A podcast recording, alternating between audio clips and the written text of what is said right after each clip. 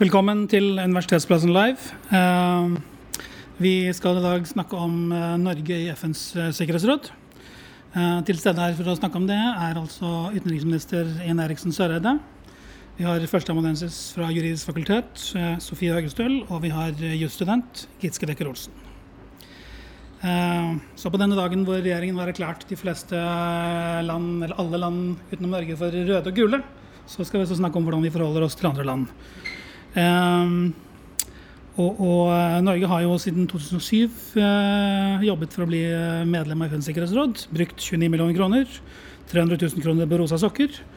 Eh, og dette for å komme med i en slags storpolitikkens eh, Champions League. Jeg tenkte først at eh, vi skulle få en liten sånn eksamensforelesning, en manduksjon om hva er Sikkerhetsrådet, fra Sofie Høgestøl. Uh, og hvis uh, du kan da det bare sånn at vi akkurat står på eksamen, så. Ja, uh, jeg kommer jo da rett fra første under fysiske undervisningen siden mars. Og det vi gjorde med introforelesningen med studentene i år, var jo selvfølgelig Sikkerhetsrådet. Hva gjør FNs sikkerhetsråd? Og det er sikkert, Hadde du spurt en statsviter, så hadde de kanskje svart litt forskjellig. Men jeg jobber med internasjonal strafferett, så for meg er det tre ting.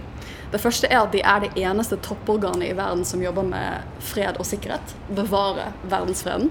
Det andre er at de er liksom den eneste topporganet vi har i hele verden som kan eh, godkjenne og tillate bruk av makt. Eh, at land går til krig mot hverandre. Og det tredje er selvfølgelig at de kan lage sikkerhetsrådsresolusjoner som binder alle FNs medlemsland. Som er viktig for Norge og andre land. Men så er det jo selvfølgelig 15 medlemmer av Sikkerhetsrådet, hvorav fem av de er faste med vetorett. Og de har litt mer makt enn det vi kommer til å ha, som vi kommer til å være en av disse ti landene som går på rotasjon. For de fem landene har jo da selvfølgelig vetorett i spørsmål de ikke liker, så de kan ligge ned veto på, eh, på resolusjoner og på annet arbeid i Sikkerhetsrådet. Tusen takk. Nå kanskje jeg står, iallfall. Um, og det gjør kanskje utenriksminister Eriksen Søreide òg. De kan bruke makt, det er sanksjoner og sånt. Um, hvorfor ville Norge med her? Først og fremst fordi det multilaterale systemet er viktig for å ivareta norske interesser. Og da må et lite land som Norge av og til være med på å ta det veldig store ansvaret der å sitte i Sikkerhetsrådet. Det er eh, en ekstremt krevende toårsperiode vi har foran oss. Veldig mye jobb, veldig mange dilemmaer som vi kommer til å stå i. Eh, og vi, jo, vi må jo være så ærlige og si at vi kommer jo ikke til å klare å revolusjonere Sikkerhetsrådet alene eller få gjennom alt vi vil. Tvert imot. Men alternativet er faktisk veldig mye verre, nemlig at eh, bare stormaktene bestemmer. Eller at vi får en situasjon hvor det multilaterale systemet, som vi jo bygger vår sikkerhet, vår velferd, vår økonomi på, forvitrer fra innsida fordi man ikke er med på å reformere det og ta ansvar for å videreutvikle det. Tror du står du også. Tusen takk. Før vi går videre til å, å snakke om krig og, fred og krig og religion og sånn, så uh, tenkte jeg at vi skulle høre litt om det som er relevant for studenter. Vi har jo student uh, Giske Bekker Olsen her, som er spesielt opptatt av folkerett. Hvordan tror du det er med andre studenter? Er de det? Ja, jeg opplever jusstudenter generelt som engasjerte. Eh, det er jo derfor vi studerer juss. Vi er opptatt av samfunnet, vi er opptatt av samfunnets regler. Eh, og det gjelder ikke bare de norske, eh, det gjelder også de internasjonale. For de påvirker i mye større grad enn det man tror før man kommer til jusstudiet, de rettsreglene vi har i Norge. Så det er jo derfor jeg sitter her. Fordi jeg tror det er viktig at vi også er mer engasjerte enn det vi er. Eh, det påvirker alt vi gjør i hele samfunnet. Eh, og det er derfor jeg tror just jusstudenter generelt er engasjerte. Det, det ser man. Det er kanskje ikke den delen av studiet som fører inn advokatfirmaene med de Nei. ikke de fleste, men mange firmaer har menneskerettsavdelinger. Det er vitalt. Man ser f.eks. Nav-skandalen. Det er jo internasjonal juss. Det mm. påvirker hvordan jurister praktiserer sitt virke, både i det offentlige og i det private. Så jeg tror nok at de kanskje er mer engasjerte enn de tror. Det ligger ligger i bunn og grunn for alt vi gjør. Men det er nok ikke det som er mest uttalt. Har du en ivrig student av folkerett? Ja, altså jeg, Nå er det jo ganske lenge siden jeg studerte, må jeg jo være så ærlig å innrømme. Eh, det smerter meg jo litt, men, eh, men eh, jeg syns det var en veldig spennende del av studiet. Og egentlig, Trond Giske sier, så er det jo egentlig to veldig praktiske områder for Norge som vi kan trekke fram som eksempler. Det ene er menneskerettighetene, som du nevnte. Og det at vi har gitt menneskerettighetene forrang framfor nasjonal lov. Det andre er havretten, som jeg mener er en veldig undervurdert eh, side av folkeretten. Hvor vi jo aldri hadde hatt muligheten til å kunne utnytte ressursene i havet på den måten vi kan, og den enorme betydninga det har for vår velferd, vår økonomi, eh, og for så vidt også sikkerhet, eh, hvis vi ikke hadde havretten. Og det er jo noe av årsaken til at vi er så utrolig opptatt av å verne om folkeretten, verne om humanitærretten, om menneskerettighetene, om havretten. Fordi uten den så vil jo systemet bli sånn at det er de sterkeste som vinner fram. Mens folkeretten gir felles kjøreregler som eh, alle land tjener på, men som er spesielt viktig for små land som Norge. For det ville være veldig vanskelig for oss å hevde våre rettigheter på samme måte f.eks. i nordområdene hvis vi ikke hadde folkeretten, og hvis ikke de andre landene også hadde forplikta seg til folkeretten. Og igjen er USA egentlig et interessant eksempel, som jo ikke har ratifisert havrettskonvensjonen, men som jo etterlever den allikevel. Og dermed så fungerer systemet. Mm. Um, tilbake til uh, Sikkerhetsrådet uh, mer spesifikt. Um, hvis vi begynner hos deg, hva tenker du er, uh, hva er, sats, hva er det aller viktigste satsingsområdet? Hva skal vi i hvert fall ha fått til om to år? Det vi har gjort, er at vi har satt opp fire hovedprioriteringer. Det ene er det å forhindre konflikt. Og igjen med veldig klar Eh, forståelse av at vi ikke kan gjøre det alene. Men vi har en ganske unik erfaring med freds- og forsoningsarbeid. Eh, vi har et veldig stort nettverk som Sikkerhetsrådet trenger. Og vi kan operere på en litt annen måte enn de store landene. Eh, og vi har jo erfaring fra det med, med fredsforhandlinger bl.a. Så vi ønsker å, å, bidra til at Sikkerhetsrådet i større grad enn i dag klarer å forhindre konflikter eh, før de oppstår. Det andre vi alltid har vært veldig opptatt av, er beskyttelse av sivile, inkludert barn. Det har vi jobba mye med i alle år. Eh, og vi har vært spesielt opptatt av å beskytte mot og bekjempe seksuell og kjønnsbasert vold i konflikt og i humanitære kriser. Det tredje, eh, det tredje, området som vi prioriterer, er kvinner, fred og sikkerhet. Også et satsingsområde for Norge i mange mange år. Vi har god kunnskap på det. Og det er jo et område som griper inn i veldig mye annet, og som er viktig. Og et veldig konkret eksempel på det er kvinners plass rundt forhandlingsbordet i fredsforhandlinger. Det siste eh, temaet eh, det er forholdet mellom klimaendringer og sikkerhet. Jeg tror ingen kan overse lenger den sammenhengen som faktisk er der, og hvordan klimaendringer er en slags trusselmultiplikator i veldig mange sammenhenger. Hvor man kan f.eks. tenke seg at et land som har dårlig styresett og er på randen av eh, sultkatastrofe, når klimaendringene kommer og gjør denne situasjonen enda vanskeligere, så kommer kampen om ressurser til å øke. Eh, kampen mellom f.eks. folkegrupper kommer til å øke. Og dermed er potensialet for konflikt veldig sterkt. Og det interessante er, og det, dette har jeg på en måte litt med meg fra da jeg var forsvarsminister, at dette er noe som Sikkerhetsrådet egentlig ikke har vært så veldig interessert i. Det har vært veldig lite oppmerksomhet om dette her. Tyskland, som sitter her nå, har tatt et veldig si, lederskap på det, og det er noe vi ønsker å, å videreføre. Men de som først så de sammenhengene, var jo bl.a. Pentagon og andre forsvarsdepartementer. For de så jo på bakken hvordan ressurskonfliktene som følge av stadig tøffere klimaendringer bidro til å øke konfliktnivået. Hva tenker du Haugstøl, om disse prioriteringene? og hvordan uh, Dette gikk, det gikk ikke så veldig bra forrige gang eh, med våre altså, prioriteringer sist. Jeg tenker det er kjempespennende. Men jeg tenkte litt tilbake til forrige gang vi var i Sikkerhetsrådet. For da var jeg sikkert 14 når vi ble valgt inn, så jeg husker, liksom, jeg husker å lese om det. Jeg husker at det var litt av måten jeg ble interessert i folkerett. Og så har jeg liksom sett tilbake på hva var prioriteringene våre når vi satt de prioriteringene i 2000, før vi skulle inn i 2001. Og det var Afrika. Jobbe med med Afrika. Det var også uh, å se på hvordan å styrke FNs evne innenfor fredsoperasjoner, som er klassisk norsk også for så vidt. Samt eh, de underliggende årsakene til krig og konflikt. Men så kommer vi jo inn i Sikkerhetsrådet, og så skjer 9-11. Og så går hele den agendaen ut. For Sikkerhetsrådet er jo en fersk, ferskvare. De skal reagere på de konfliktene som skjer i verden. Og nå sitter vi jo midt oppi en pandemi. Så jeg tenker sånn, dette er jo målsettinger dere lagde før korona tenker man at det blir vanskeligere nå å prøve å jobbe med så stort og viktig? For jeg, jeg jobber jo med internasjonal strafferett, så jeg ser jo også på den sammenhengen mellom klima og sikkerhet med stor bekymring for fremtidens konflikter eh, og de konfliktene vi har i dag. Men det er jo et stort tema å ta opp. Hvordan skal man sette det på dagsorden midt i en pandemi?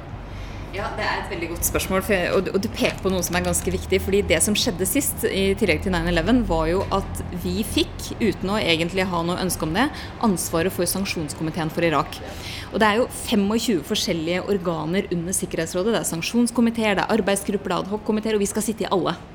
Men vi kommer også til å få lederskap for noen. Og det eh, fordeles jo ikke akkurat etter en sånn ja, jeg tar den, jeg. Det er, eh, det er eh, ofte der også ganske, ganske hva skal vi si, finurlige prosesser for det. Men per i dag så kjenner vi jo hvilke sanksjonskomiteer som eksisterer. Det kan se helt annerledes ut midtveis i neste år. Fordi noen av sakene som i dag eh, ligger som f.eks. adhockomiteer, kan plutselig bli sanksjonskomiteer, som er mye, mye mer krevende. Så vi, altså Det eneste vi vet helt sikkert, er at vi ikke vet helt sikkert hva vi skal jobbe med når vi kommer inn i Sikkerhetsrådet. Men vi må jo legge en plan. Eh, og så tror jeg at eh, pandemien nok kommer til å ligge som et slags eh, hva skal vi si, teppe over veldig mange av disse problemstillingene. Og, og For å nevne et veldig konkret eksempel, så ser vi jo at eh, etter pandemien så har beskyttelsesutfordringen økt dramatisk. Altså Evnen til å beskytte sivile har blitt dårligere mange steder. Mange flere som utsettes for overgrep, for menneskerettighetsbrudd, enten det er f.eks. Eh, ja, her i Europa hvor man strammer til på sivile og politiske rettigheter, eller det er i fattige land i krig og konflikt der forekomsten av seksuell og kjønnsbasert vold går i været. Så, så jeg tror at um, temaene tror jeg nok vi kommer til å uh, kunne håndtere greit ut fra prioriteringene. I tillegg til alt det som kommer til. Men jeg tror rett og slett som du sier at pandemien kommer til å være ganske styrende for en del av, de, um, en del av måtene å løse ting på. Og hvis vi er um, heldige i betydningen hvis vi kan klare å bruke pandemien selv i et sikkerhetsråd som til dels er ganske polarisert, men som også klarer å bli enige om veldig mange ting. Det glemmer man jo ofte å snakke om. Til å få landet til å samarbeide bedre om en del ting som er relatert til pandemien, så vil jo det i seg sjøl være et framskritt, tenker jeg. Hva tenker du da, Det går jo en debatt nå om når disse vaksinene potensielt er ferdige, og om eh, distribusjonen av disse, hvem som får tilgang, og når, og hvilke grupper og hvilke land og sånt noe er. Er det et tema som kan komme opp, eh, tenker du, på noe vis? Eh, absolutt. Det er ikke sikkert det kommer i Sikkerhetsrådet, men det kommer definitivt i en FN-kontekst. Og det kommer i EU. det kommer i, eh, altså Vi er jo veldig engasjert i dette, både på utvikling av vaksiner og rettferdig fordeling av vaksiner.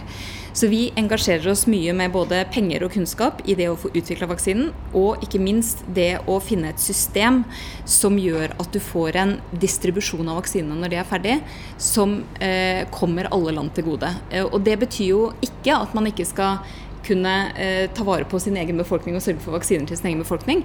Men hvis det er sånn at kjøpekraft er det eneste som skal avgjøre om du får tak i vaksiner, så er det helt åpenbart hvordan det bildet kommer til å se ut. Og er det én ting pandemien har lært oss for alvor, så er det at ingen er sikre før alle er sikre. Og det tror jeg nok eh, kommer til å være et ganske viktig tema framover. Om ikke akkurat på Sikkerhetsrådets bord rent fysisk, så i hvert fall i marginen av veldig mye av det vi gjør. Mm. Hva tenker du om prioriteringene til Norge? Er, eh, er det innafor? Ja, det er jo det. Men jeg tenker at man kanskje bør løfte blikket litt fra jussen og, og, se på hva Sikkerhetsrådet egentlig er. Det er et samarbeid mellom ulike land, med ulike kulturelle bakgrunner, med ulike politiske ledere, med ulike statsledere, med litt forskjellige lederstiler som man kanskje ikke alltid er enig med. Eh, og det er et ganske hett politisk klima, um, og det kan være vanskelig. Så jeg tenker at man sånn som jeg liker å beskrive sikkerhetsår, så er det en sånn litt sånn rar familiesamling. Du har liksom fetteren som du synes er litt rar, og så har du den som kanskje har litt buddha, og du er kristen selv og forstår ikke helt hvorfor han har blitt det. Det, det er en konstellasjon, og det å skulle forhandle om veldig viktige temaer Man har jo forhandlinger i sitt eget liv, man har forhandlinger på jobb, men forhandlingene i Sikkerhetsrådet og den enigheten man skal frem til, er så vital. Og Det er derfor jeg er så opptatt av at man faktisk må tenke litt over det eh, på den måten at det har betydning for alle. Man må, om ikke enn vite alt om det, uh, må interessere seg for disse områdene. Og jeg tenker at Særlig det at klima har kommet som en prioritering er veldig veldig viktig, spesielt for meg som ung. Vi vet ikke hvordan fremtiden kommer til å se ut for mine barn. Jeg kan kanskje akkurat uh, slippe å oppleve den varme vi sitter i her nå i hverdagen, for det, jeg, det er varmt. Um, men det mine barn må kanskje ta den kampen enda sterkere. Eh, mm. Og jeg tror at det at Norge faktisk tar den eh, foregangskampen og fortsetter det, det tror jeg er ekstremt viktig og, og veldig riktig av, av, regjeringen å prioritere. Mm. Hvem er det som er den der onkelen i Sikkerhetsrådet?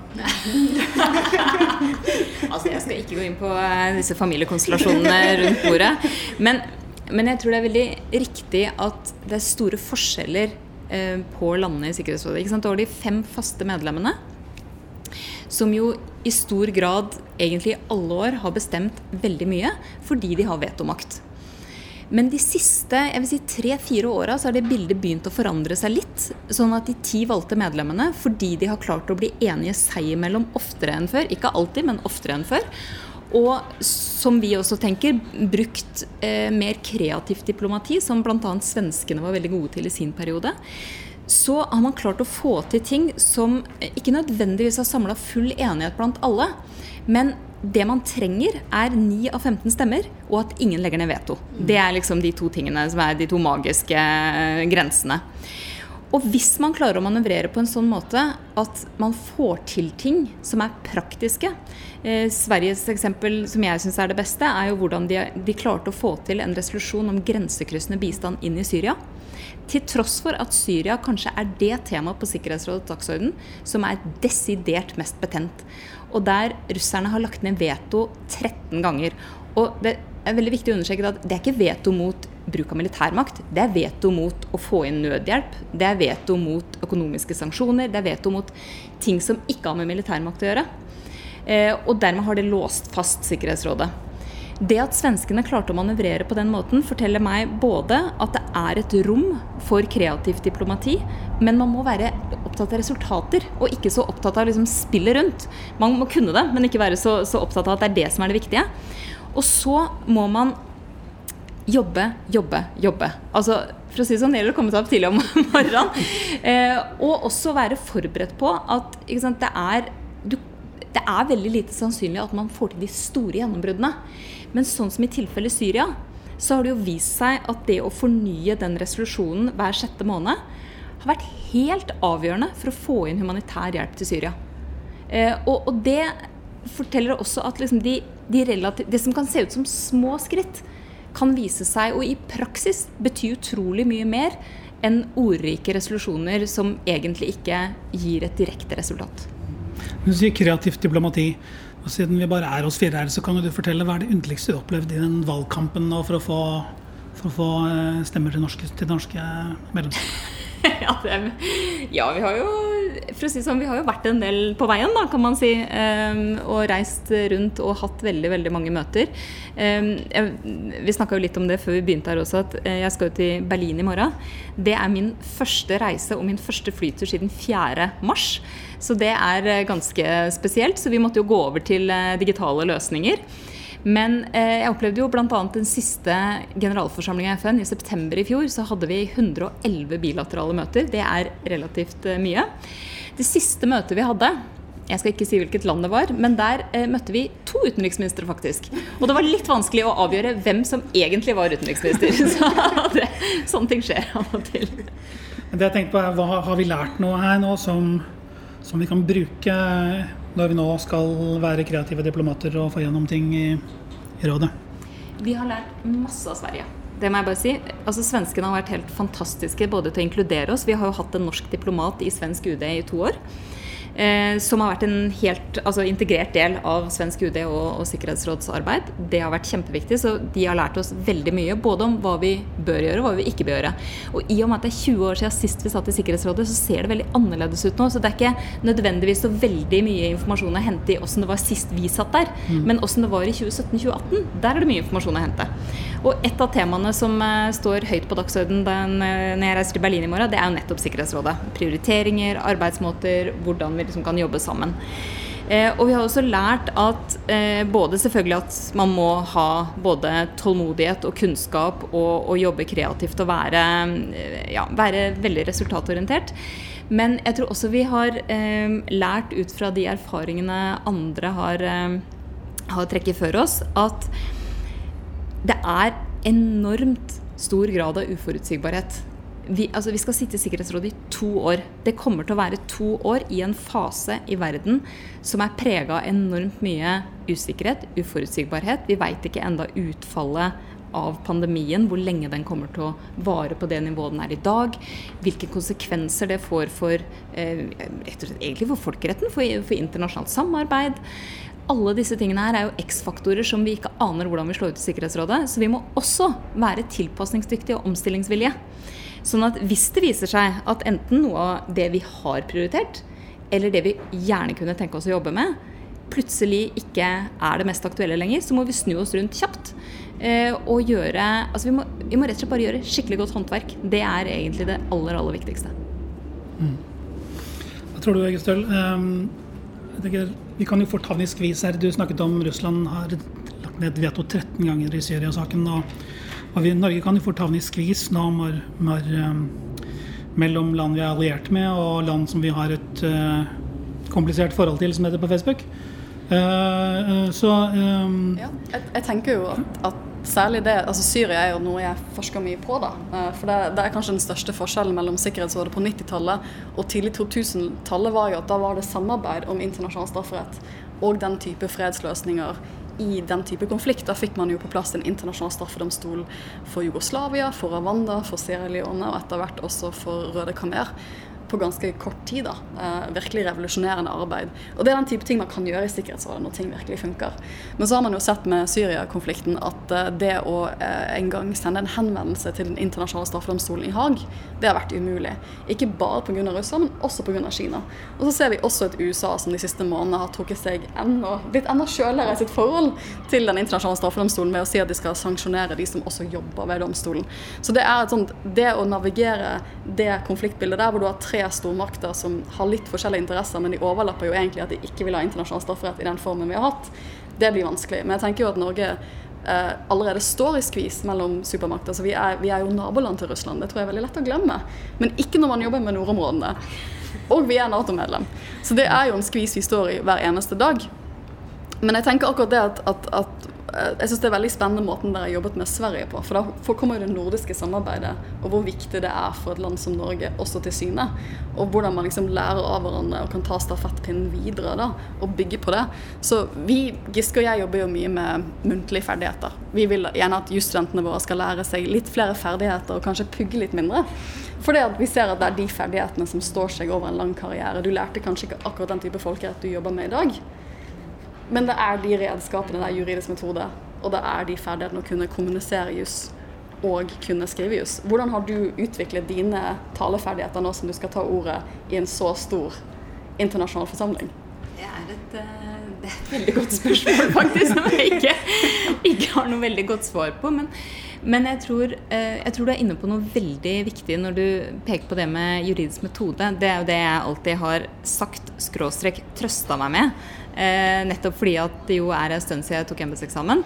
Og tenkte at det er ikke sånn at jeg nå husker egentlig liksom skatteretten og panteretten sånn helt. Men jeg, vet, altså, jeg, husker jo metoden, og det er jo egentlig det som er litt av, av det viktige her. At for, for, meg i politikken og som utenriksminister, så er jo den metoden egentlig håndverket vi gjør diplomatisk. Eh, og det må vi kunne bruke på alle mulige situasjoner. Alle tenkelige situasjoner. Eh, og det er en eh, Jeg vil si at det å følge med på hvilke forandringer som skjer, bl.a. i Sikkerhetsrådet, og særlig blant de fem faste medlemmene, eh, har vært veldig interessant. Altså jeg nevnte det med at de, de, ti valgte medlemmene samarbeider bedre og sånn sett kan utøve hvert fall noe mer innflytelse i noen saker enn det som har vært vanlig tidligere. Men også blant de fem faste så har det skjedd en del endringer. Tidligere så var, jo, var det jo typisk sånn at russerne la ned veto som kineserne slutta seg til. De siste par åra har kineserne tatt en mye mer framoverlent utenrikspolitisk rolle. Og er ikke alltid i tospann med Russland, men kan på egen hånd eh, også lage en del eh, hva skal vi si, eh, altså ta en del standpunkter som ikke var så vanlig for Kina å ta tidligere. altså Både på, på pluss- og minussida, egentlig. Eh, og det er jo en veldig viktig informasjon til oss som skal navigere i det landskapet. Og for å kunne gjøre det, så må vi på en måte kunne det håndverket alt fra å forhandle tekster, som jo er en stor del av Sikkerhetsrådets arbeid. Og det er jo, mange glemmer det er to møter om dagen i Sikkerhetsrådet. Det er altså så mange saker i rådet og de 25 eh, organene som ligger under Sikkerhetsrådet, og vi skal jo som sagt sitte i alle at tempo, altså beslutningstempoet kommer til å være enormt høyt. Så det vi bruker tid på nå, er jo bare å skru sammen en organisasjon og en rutine som nærmest skal gå liksom på autopilot for å sørge for at alle er i loopen og vi får tatt de riktige beslutningene. fordi vi skal jo også operere i forskjellige tidssoner. Vi skal operere med veldig mange forskjellige aktører, både her hjemme og i New York og, og overalt. ikke sant? Og, og, andre land som skal, skal, inn i bildet. Så jeg tror at det, for, for oss er det å liksom være være trygg på at vi kan eh, håndverket, forhandlingsteknikken, eh, kjenne til bevegelser i landene, vite hvor det finnes et lite handlingsrom. Og jeg sier lite med vilje, fordi det er klart, det er ikke et stort handlingsrom her. Det er det ikke.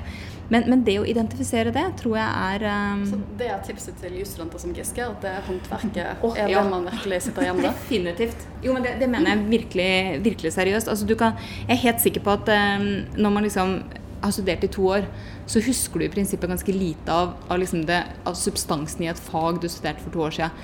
Men det er jo helt uviktig. Det brøsjer du opp på null komma svisj sier jeg, som ikke har gjort det, for å si, det sånn. Men, men det er en smal sak. Hvis du ikke har metoden, så har du ikke noe grunnlag for å brøsje opp. Det er metoden som er det viktige. Og det husker jeg, det var en, eh, en foreleser som lærte meg i sin tid, eller lærte oss i sin tid. Det var at liksom bruk desidert mest tid på metode i begynnelsen. Desidert mest tid. For da skjønner du systematikken, og da faller alt det andre på plass. Det var det jeg sa til studentene mine for noen timer siden. Jeg tror det har mer vekt når du sier det, enn når jeg sier det. Bare, bare ærlig innrømme. Ja, men det, det, er bra, for det er definitivt det viktigste rådet, altså. Mm. Ja, nei, Det er jo derfor jeg ønsker å jobbe med dette, for jeg har jo erfart det selv. Nå er jo jeg så vidt startet på tredje året. Men jeg arbeider mer med juss utenfor studiet enn det jeg gjør på studiet.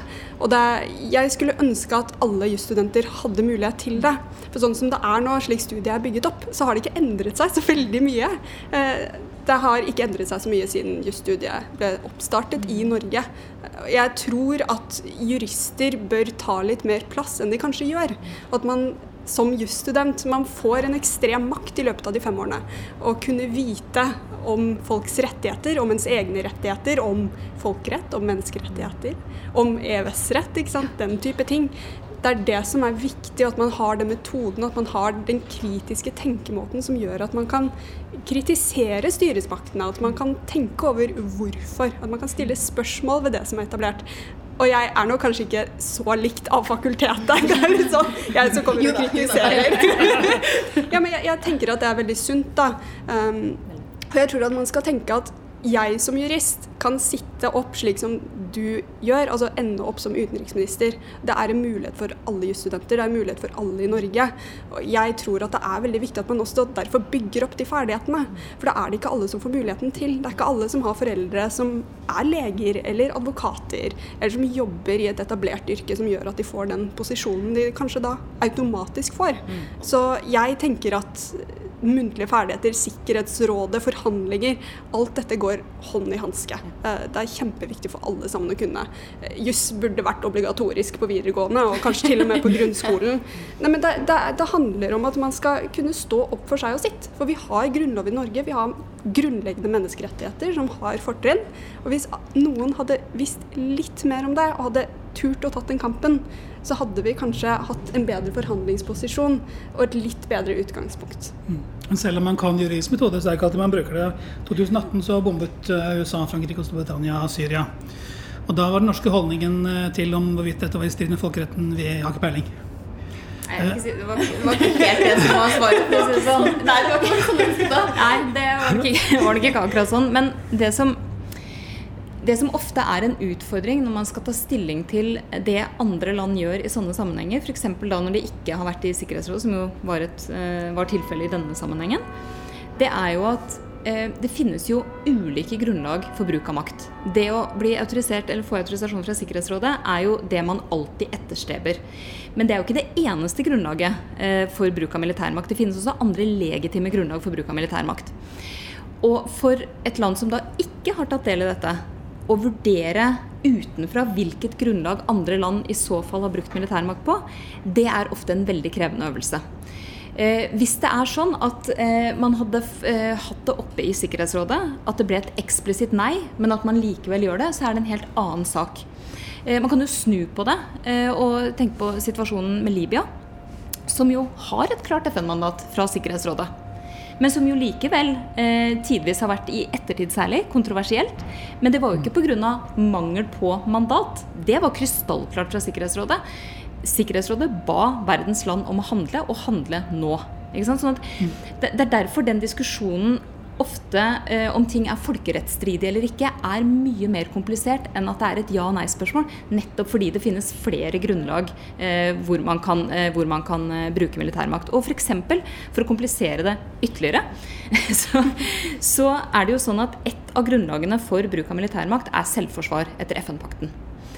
Men det er jo en, på mange måter en subjektiv definisjon. Og noe av det man har sett over tid, er jo at flere land har ment at de ivaretar sine sikkerhetsinteresser, eller selvforsvar av seg, ved å eh, bidra altså ved å bruke militærmakt mot et annet land, selv om ikke det landet direkte har angrepet. Terrorisme er et veldig godt eksempel på det. Og det tror jeg vi kommer til å se mer av. I, ikke sant? Det er kjempevanskelig juss. Eh, og, og, Poenget mitt er bare å få fram at det er ikke helt svart-hvitt eller helt rett fram. Det er ikke et ja- eller nei-spørsmål, fordi at det er mange grunnlag. Og, og det er også altså Folkeretten er jo ikke statisk. Den er jo hele tida i utvikling. Eh, og det er jo Sikkerhetsrådet med på å utvikle, faktisk. Mm. Men selvfølgelig også andre aktører. og Derfor er det et veldig komplisert spørsmål. Så nå får vi være med å utvikle den eh, tiden fremover. Eh, tiden vår er ute, men vi kan konstatere til slutt at utenriksministeren kan fremdeles juridisk metode og har noe å falle tilbake på hvis politikk og politikk ikke skulle gå så bra. Takk for oss.